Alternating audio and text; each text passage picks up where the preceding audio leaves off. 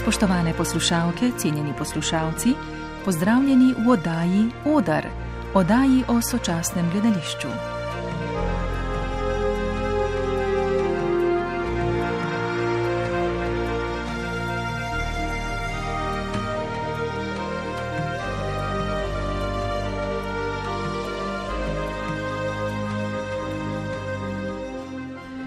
Med pomembnimi obletnicami minulega leta je bila tudi stoletnica rojstva Balbine Batelino Baranovič.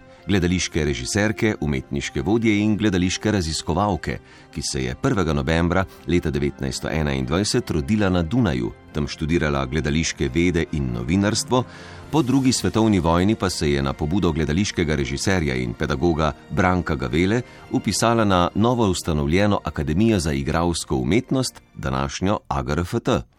Jaz nisem mislila biti režiser, ampak 43. Aha. leta so morali vsi študenti, za, eh, univerze so se zaprle in so morali na delo.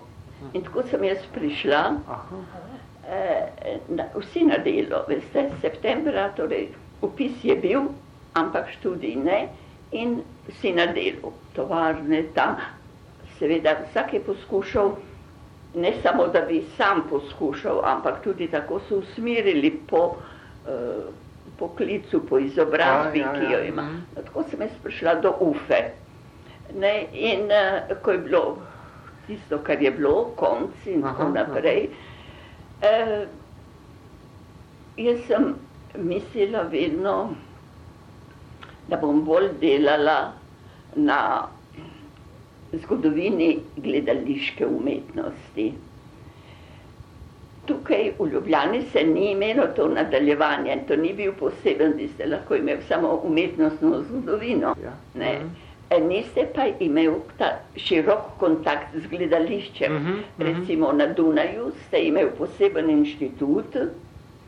No, Uh, in uh, tako sem potem stopila na akademijo, uh -huh, da bi nekako stalo to v zvezi z gledališčem, in sem končala režijo in dramaturgijo. Med študijem je asistirala mentorju Gaveli, tudi pri njegovih režijah v Ljubljanski drami in leta 1951 diplomirala na oddelku za režijo. Gavela me je učil, veste, če ste vi bila ob Gaveli, ne eno leto, tri pri predstavah sedi.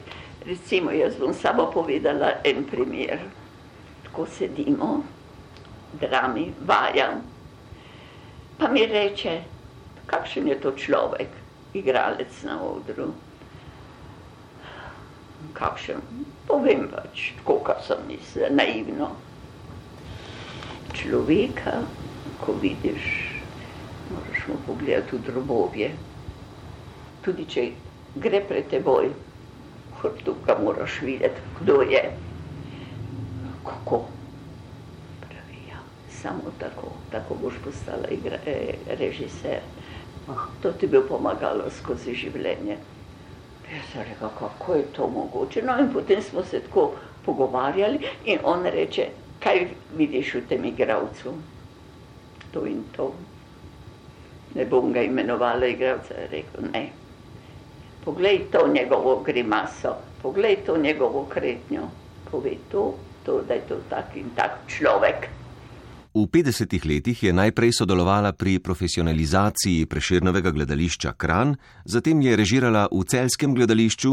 Namreč, ko sem diplomirala, so me poklicali na ministrstvo, načelnica je bila Peršič, Zorka Peršič, danes se spomnim, in mi je rekla takole, vi imate občutek za organizacijo in delo, mi bi pa radi odprli, takrat se je odpirala gledališča po Sloveniji, gledališče v Kranju. In ker ste tudi vezana s Kranjem, kot sem prej rekla, bi šli v Kranj, ker jaz sem imela pri tem, da stavite v drami kot eh, asistent. No, sem rekla, bom šla boste ravnatelj. Sem rekla, nisem član stranke. Ona je rekla, ne, in boste imeli tajnika. In sem dobila enega goršeta za tajnika, ki je bil partijsko. Namreč predtem, še kot asistent v drami, me je en kolega, torej igralec, ne režiser, Stane Česnik spremljal domov in dal predlog, da bi stopila v stranko. Sem rekel, ne, nisem nikdar bila član ne virske, ne politične organizacije, tudi sedaj ne bom. Rekl mi je, ne boš nikdar režiser, se ga bom pa kuhala. To me noč ne moti, bom kuhala. Potem sem šla naprej svojo pot. Ko sem končala v Kranju, kar je bilo zakončati, po štirih letih, sem prišla na ministrstvo in se rekla tako, to sem uredila, ampak zdaj bi pa hotela ostati v Ljubljani. In sem dobila nastavitev takrat novo osnovanega mestnega gledališča.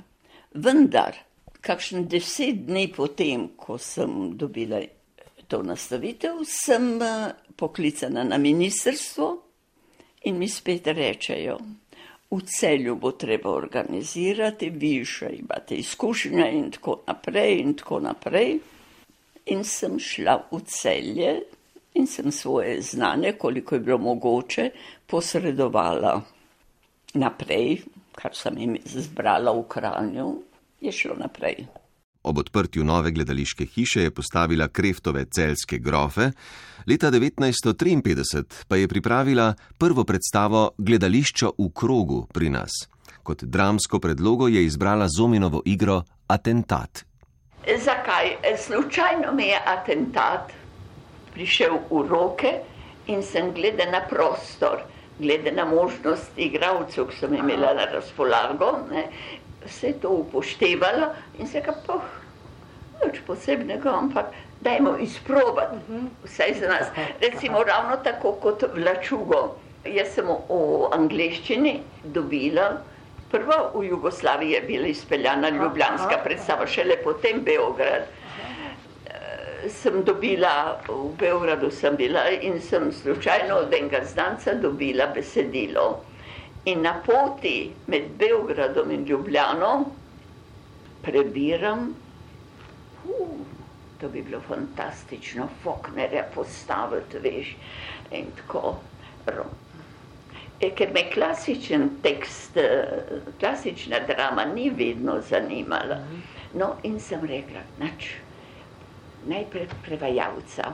E, no, in e, zdaj je treba bilo izoblikovati iz romana, in tako je nastala Vlačuga z fantastično mm. igralko. Oj, ne morem pozabiti, kako je znala ustvarjati Štefka Drožčeva.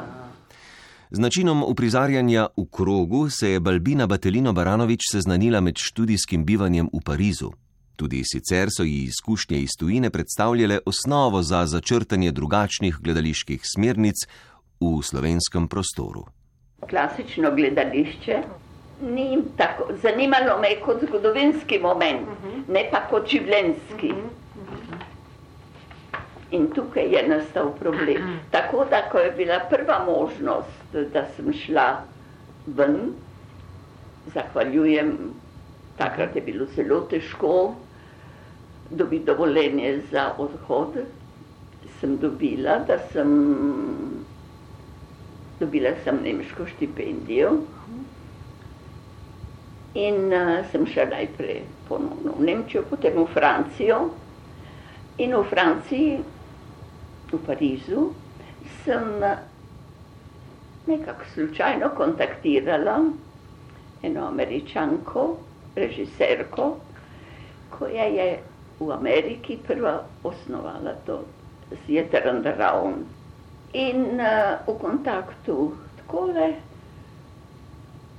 je mene to zanimalo in se reka, ja vidiš, to je jedan, da greš med, ker vedno me je šlo na to, antika, mm -hmm. ona je imela prizorišča, ona je šla unoter med ljudi. Ja, ja. Mhm. Ni bila tako vezana, kot mhm. je bilo klasično gledališče mhm, mhm. v Evropi in kasneje. Ja, ja, ja. To je pozneje, posebno opera je zahtevala aha, ne, in iz opere potem, ker vzemite komedija dell'arte, je bila na cesti. No, in tako je prišlo tega, da je nastalo to gledališče uh -huh, v. Križankah.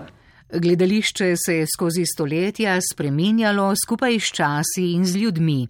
Ustvarjalni nemir, lasten vsem živim obdobjem kulturne ustvarjalnosti, je značilen tudi za naš čas. Obrabljenosti realistične igre so se že zdavnaj postavili po robu modernizmi z novo, bolj sproščeno tehniko. Vse te smeri so po svoje obogatile odrski izraz, vendar stremimo zdaj spet po novih odrskih oblikah. Ena izmed takšnih najnovejših oblik je gledališče v krogu, ki poskuša izvesti predstavo sredi občinstva z enostavnimi umetniškimi sredstvi. Ko sem prvič gledala to predstavo v Parizu, Theater on the Round, ameriški, bila sem presenečena, ko je to tako močno vplivalo. Komedija je bila, ampak vid, po mojem uh, karakterju vidite, da nisem, ne vem, posebno naklonjena, nekak, ne, ne, nisem ne naklonjena, ampak komedija mi je mal tuja. Tam me je pa prevzelo in sem ugotovila, da je to ta bližina. Recimo od igravca do mene ni bilo dva metra. Ampak me je popolnoma igralec prevzel. In uh, potem sem gledala drugo predstavo, sem se čutila vključeno, direktno, ne tako kot navajena iz parterja, gledaš na odru, imaš ne samo prostorno distanco, ampak to je tudi nekje ena človeška, interna, notranja distanca. Uh, in, uh, sem rekel, ja, viš, to bi pa bilo. Posebno, če greš, se umakneš klasičnim tekstom.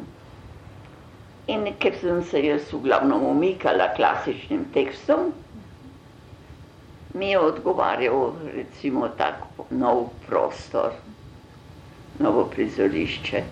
Že Reinhardt in Kopo pred Prvo svetovno vojno, Meyerhold in Ohlopkov po njej, zlasti pa gledališki strokovnjaki v Ameriki v tistem času, so preizkušali obliko gledališča sredi gledalcev. Danes se je gledališče v krogu že utrdilo kot poseben način stalnega oprizarjanja in je v prvih desetletjih dokazalo, da lahko na krožnem odru umetniško dovolj neposredno, enostavno in sproščeno podaja dramska dela vseh obdobjih v novi, osveženi obliki. Tako je zapisano v enem od gledaliških listov prvega eksperimentalnega povojnega odra v Jugoslaviji, ki ga je v Viteški dvorani Ljubljanskih križank ob razumevanju mestnih oblasti Balbina Batelino Baranovič ustanovila leta 1955. Istega leta je sprejela tudi pobudo za ustanovitev prvega poklicnega gledališča za mladino pri nas, mladinskega gledališča, in ga razvijala usporedno z eksperimentalnim gledališčem. To je delovalo do leta 1967, medtem ko je bila v mladinskem gledališču režijsko in širše umetniško dejavna do leta 1963. Ne gre se torej čuditi, da si je prislužila oznako ženska, ki je ustanavljala gledališča. Moje izhodišče je bilo to, kar lahko gleda mlad človek, lahko gledajo vsi, sedemdesetletnik ali sedemletnik. Če igrate predstave, ki naj bi bile primerne recimo zgolj za sedem, osemletnike, jih podcenjujete.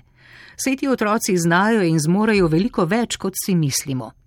To spoznanje me je vodilo pri sestavljanju repertoarja. Da, sem si rekla, tudi če je to gledališče za mlade, jim dajmo recimo modro vrtnico, dajmo jim nekaj, pri čemer ne bodo vsega razumeli, ampak bodo čutili. Otrok razvija svoje čustva, spoznanja in zori. Zato sem tudi vedno združevala odrasle profesionalne igralce z mladimi, recimo bodočimi igravci predstave pa smo namenjali odraščajočemu občinstvu, tudi 15-letnikom in njihovim staršem. Pred mikrofon smo ob tej priložnosti povabili Tatjano Koloni, ki je obiskovala dramski krožek mladinskega gledališča. Spomine na nj je takole delila. E, bilo je nekoč 10. februarja 1957 mladinsko gledališče Križanke. Nastopali smo v izboru kavkaških pravljic po motivih Franceta Belka. Režija je Balbina Baranovič Batelinova, Vključeni so bili plesni elementi žive Krajgerjeve, na glasbo Marjana Vodopivca in inscenacija arhitekt Nika Matola. Prefinjena gospa Balbina Baranovič Batalinova nam je vzbudila zanimanje za lepoto, pomen in občutenje besede v verzih Iliade, snukresne noči, v pesmih, pripovedih in dramskih testih. Razvijali smo tudi kulturo gibanja, kulturo telesa, ki je zelo pomembna, posebno na odru. V tem času, ko je bila predana našemu dramskemu krožku, je na oder postavila Sokratov monolog z imenitnim potokarjem in rekvim za vlačugo, ki je bil takrat čokanten, kar me je oboje prevzelo in sem si tako večkrat ogledala predstave v križankah. Getejev Faust je bil postavljen ambientalno v predvirje viteške dvorane, ki so ga obiskovalci zasedli do zadnjega kotička. Naš poskus transponiranja substance Getejevega Fausta, v kateri je zajeta koncentracija zahodnega duhovnega sveta in ki je zauzela svoje mesto v srcu vsakega sodobnega človeka z razvitim čutom za lepoto in humanizem, v sodobnost, je v popolnosti ohranil misli velikega avtorja.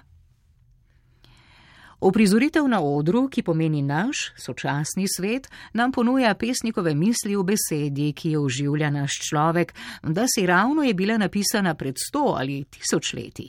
Ponuja nam pesnikove misli v anti-iluzionistični obliki, kjer vlada aksijom. Oblika naj bo bogatstvo in enostavnost, čustvo pa naj se napaja ob svojem arhajičnem praviru. Pesnitev preteklosti, ki je preživela proces minljivosti in se je prelila v sodobnost, je postala v novi obliki še enkrat sodobna, živa in hkrati nova. Postala je vizija nadčasovnosti. S priredbo proznega dela se je kot režiserka srečala tudi v ljubljanski drami leta 1964 pri postavitvi Kafkovega procesa. Jozefka! Današnji jutranji obisk vas je presenetil, ne?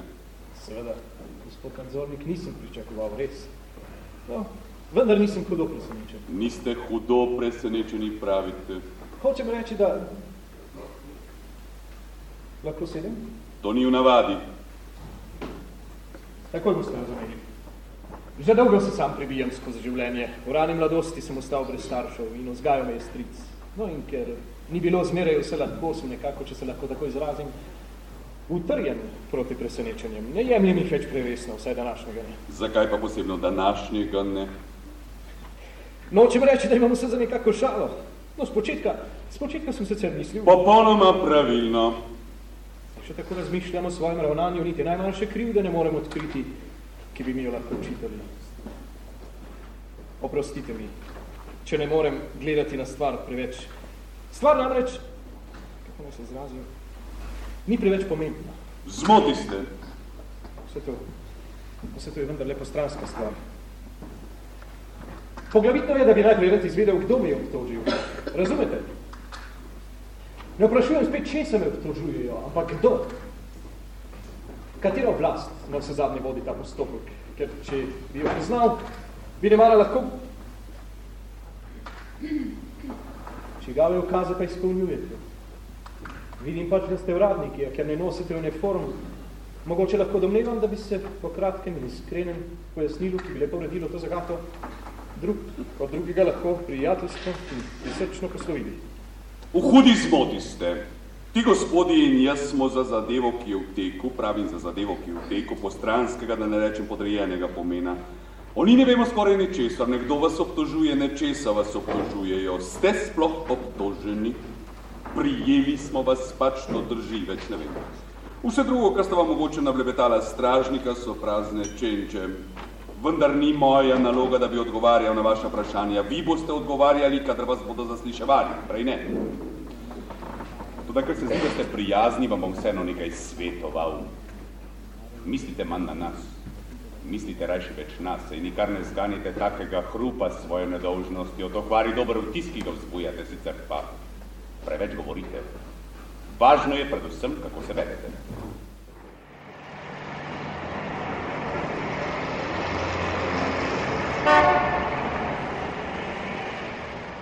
New York, septembra Številni festivali vseh mogočih umetniških zvrsti so se že poslovili od množice gledalcev. Toda na 52. cesti, na zahodni strani, na skrajnem zgornjem robu slovitega gledališkega okraja v Broadwayu, je še zelo živo. Tam v velikanski avli nekoč uglednega kinematografa poteka vsakoletni festival pod impozantnim imenom Festival svetovnih avangardnih gledališč. Od 1. do 30. septembra več ali manj ekstravagantne gledališke skupine demonstrirajo svoje pojmovanje sodobne gledališke umetnosti. S prijateljem, gledališkim ljubiteljem, ki je pravkar prispel iz Evrope, sva si ogledala eno izmed zadnjih uprizoritev razupitega festivala. Na programu je bilo delo Johna Cagea, znanega komponista, predavatelja, plesalca, pisatelja in gledališčnika. John Cage je hrbtenica novega ameriškega gledališča in se ve, Njujorškega festivala svetovnih avangardnih gledališč.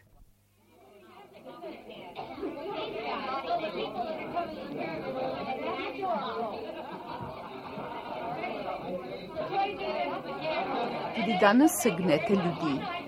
Tudi tokrat sedeži niso konvencionalno aranžirani. Razmetani so vse povsod po dvorani. Gledalci sami poljubno grupirajo sedeže. Najbrž bodo sedeži tudi tokrat element dogajanja. Pri nekaterih prejšnjih uprizoritvah so se gledalci med dogajanjem pomikali od prizorišča do prizorišča, podobno kot gledalci srednjeveških pasionov, od postaje do postaje. Moj prijatelj se za mano ozira za osrednjim prizoriščem. Prerinila sva se do prostih sedežev ob klavirju. Kje je prizorišče? No in kje se začne auditorij? Prizorišče in auditorij sta prepletena, tam na tisti zaboj je pravkar usmeren reflektor. Igravci so prav gotovo pomešani med gledalci. Morda je prav ta, ki sedi ob tebi igralec. Na zaboju stoji dekle v kopalni obleki, v roki pa drži nitke, na katerih so privezani pisani balončki. In kaj pa je to? Sonce, mi, kruh, mati, nikoli, odklanjamo! Satan, papir, osel, stroj in bog. Mesec, močvirje, revolucija, lulu. Lucija. Oh, oh, oh, oh. Fordova štipendija je Balbini Batelino Baranovič sredi 60-ih let omogočila bivanje v Združenih državah Amerike in spoznavanje tamkajšnjih umetniških praks ter njihovih pomembnih akterjev. Variante happeningov kar izzivajo gledališčnike, da preizkušajo nova teoretična stališča tako, da jih čim globlje povežejo s sodobnim življenjem.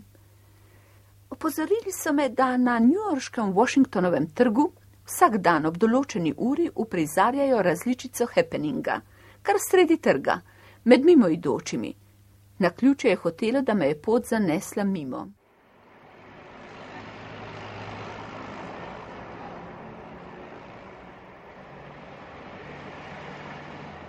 Trg zapušča vtis otoka sredi morja mimo drvečih avtomobilov. Na trgu se kar tare ljudi.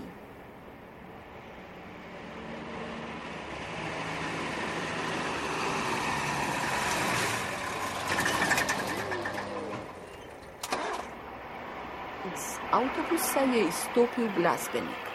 Pod roko nosi glasbilo, bas. Glasbenik se je postavil na rob stranskega pločnika. Čak, ne meni se za mimoidoče tudi zanj se nišče ne meni. Od kolone se je ločil avto in počasi povzi ob robu trga. Iz avtomobila je izstopilo dekle, oblečeno v stilizirano obleko klasične plesalke s copatkami za ples na prstih. Vzbudila je pozornost, ne da bi se zmenila za to, se je napotila na sredo trga. Se postavila v značilno pozo klasične plesalke pred začetkom plesa. S pogledom je poiskala glasbenika. Spogledala sta se.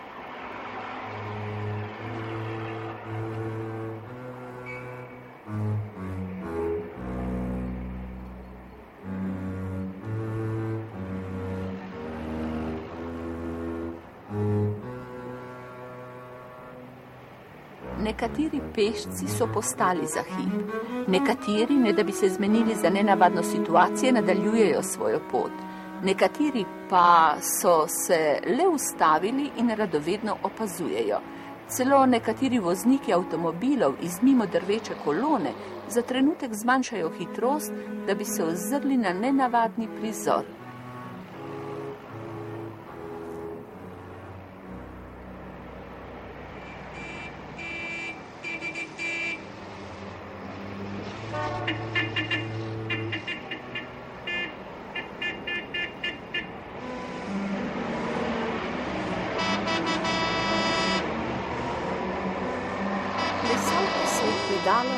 Ustvarjalnemu zanosu. Kako zmore vrsto piruet, drugo za drugo, na grobem asfaltnem tlaku.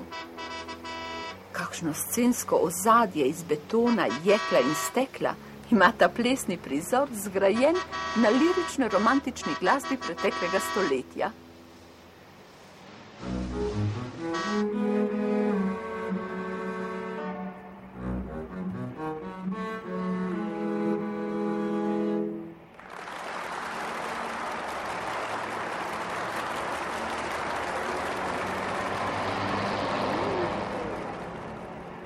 Plesavka je končala ples in obstala v naklonu, v plesni drži kot nekoč pred cesarsko ložo.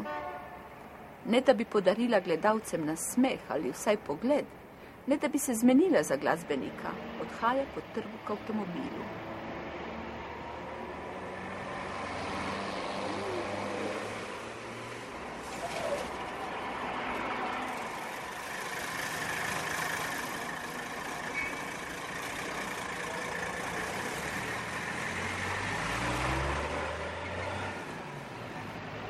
Glasbenik je, ne da bi se zmenil za gledalce, vstopil v avtobus in se odpeljal.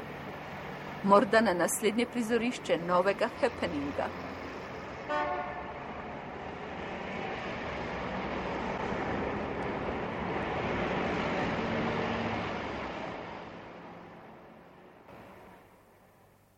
Happeninge danes uprizarjajo povsod po svetu. Posnemalcev je veliko. Nekaj rezultatov je prav gotovo dobrih, žal tudi precej slabih. Kakorkoli, priznati je treba, da imajo današnji ameriški gledališčniki in dramatiki pogum.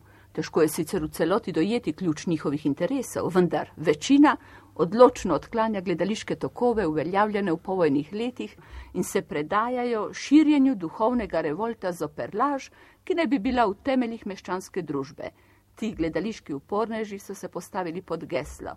Ta družba nas je rodila zato, da jo uničimo. Pod istim geslom se je razvila dejavnost gledališke skupine The Living Theatre.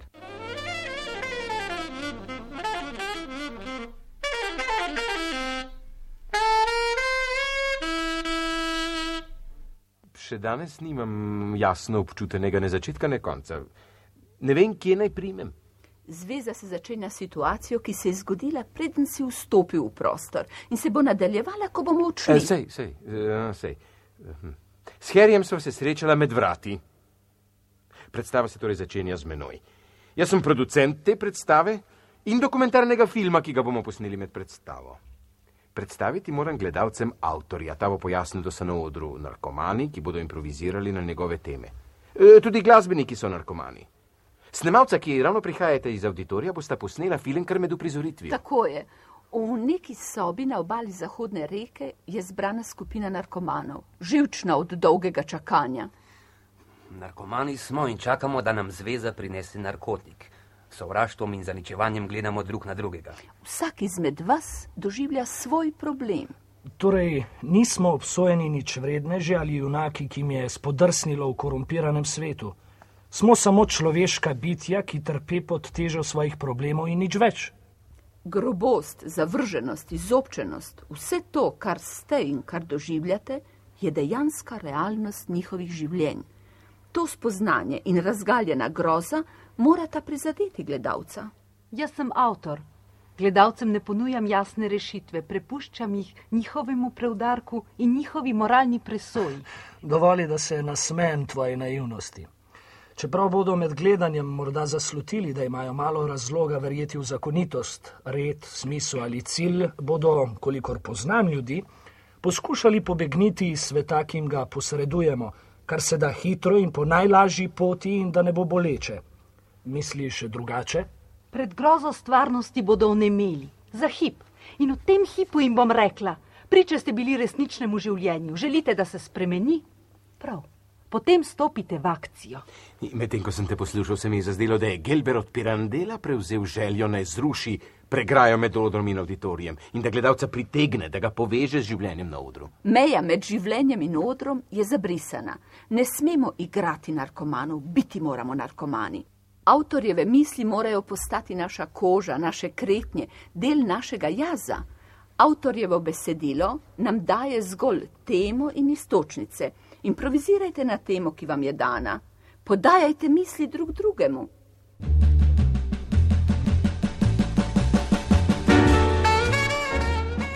Programske usmeritve in načrti Balbine Batelino Baranovič v 60-ih letih se niso skladali s posameznimi namerami kulturne politike oziroma niso bili deležni kulturno-politične naklonjenosti. Ko so mi potem enkrat prišli in mi ponudili, da bi še enkrat šla v Ameriko zaradi tega, ker so poznali so zelo dobro mojo pot ali po, ker gospod, ki je prišel takrat, mi je rekel, uh, rekel odkud vi veste, kako da poz... Ja, zasledujemo vašo korespondenco, ne? No, kakorkoli rekla sem, jaz nisem sposobna za to. In potem se mi je zgodilo, da so me poklicali na ministrstvo in mi zelo simpatična gospa, načelnica reče, nimate več denarja, program za program. Sem rekla, kako se sem imela še za tri predstave program. Nimamo denarja. Pozneje je bila izrazito dejavna v radijskem mediju, še posebno na slovenskem radiju Trst kot avtorica in režiserka radijskih iger in tematskih oddaj. ja, moram povedati, delala sem na v gledališču in me direktor slovenskega radia v Trstu, inženir Osten, povabi, naj pridem na razgovor. In, in on je rekel, zelo rad bi videl, če bi delala z našo skupino tukaj. No, in sem se posvetovala z soprogo moje kolegice, Sancinom, Modestom Sancinom, ali bi prevzela, ker to, kar mi je predlagal inženir Osten, to so bili zelo kvalitetni ljudje, neverjetno, s kakšnim požrtvovanjem so delali, misli čas, ko so opravili vse druge zadeve in obveznosti, ki so jih imeli, bi se posvetili delu na radiju. In jaz delo vedno spoštujem, da so me zelo od majhnega naučili, da je treba delo spoštovati. Tako da tudi te ljudi, ki sem videla, koliko delajo in da je v resnici za njih nekje notranja nagrada, da lahko delajo tudi v eni radijski igri, sem to cenila in še danes cenim. Profesionalno pot je Balbina Batelino Baranovič sklenila leta 1984 in živela v hrvaški Istri, v Lovranu, kjer so jo večkrat obiskali gledališki ustvarjalci in raziskovalci. Potem, ko je leta 2015 prejela veliki bršljanov venec, nagrado Združenja dramskih umetnikov Slovenije za življensko delo, je ob enem takšnih obiskov, le nekaj mesecev pred njeno smrtjo, nastal najbrž zadnji posnetek pogovora z ustanoviteljico gledališč in odločno, neuklonljivo ustvarjalko, ki je vidno zaznamovala naš gledališki prostor. Čus nese seboj dogodke in minevajo. Tako. To tako mine. Mi se tega še zdaleč ne moremo. Jaz šele zdaj, v mojih visokih letih, se nekje zavedam časa. Prej sem jaz bila gospodarna.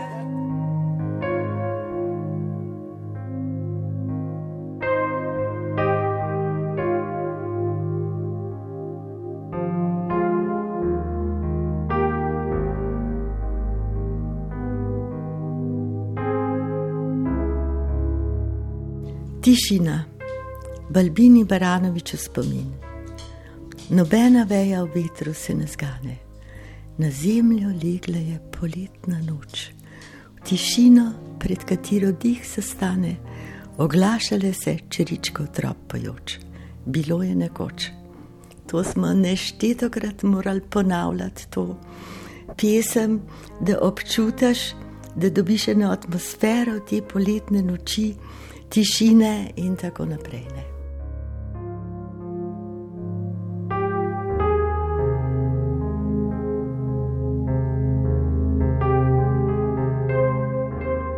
To je bil Oder, oddaja o sočasnem gledališču.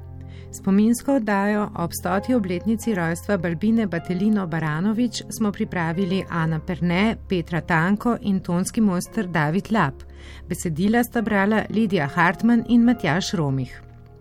V oddaji smo uporabili odlomke iz audio zbirke Slovenskega gledališkega inštituta Gledališkega muzeja, iz posnetka uprizoritve Proces ter pogovorov Primoža Jesenka z režiserko na njenem domu v Lauranu. Iz arhiva Radia Slovenija odlomke iz oddaj Literarni večer, Ameriško gledališče danes, avtorice Balbine Batelino Baranovič in praznične oddaje ob njeni 90-letnici, ki jo je pripravila Neva Zajc. V oddajo so vključeni tudi odlomki iz besedil v gledaliških listih eksperimentalnega gledališča in iz intervjuja, ki je nastal za zbornik o 50-letnici slovenskega mladinskega gledališča. Za sodelovanje se zahvaljujemo gospe Tatjani Koloni. Spoštovane poslušalke in poslušalci, hvala za vašo pozornost in prijeten dan še naprej.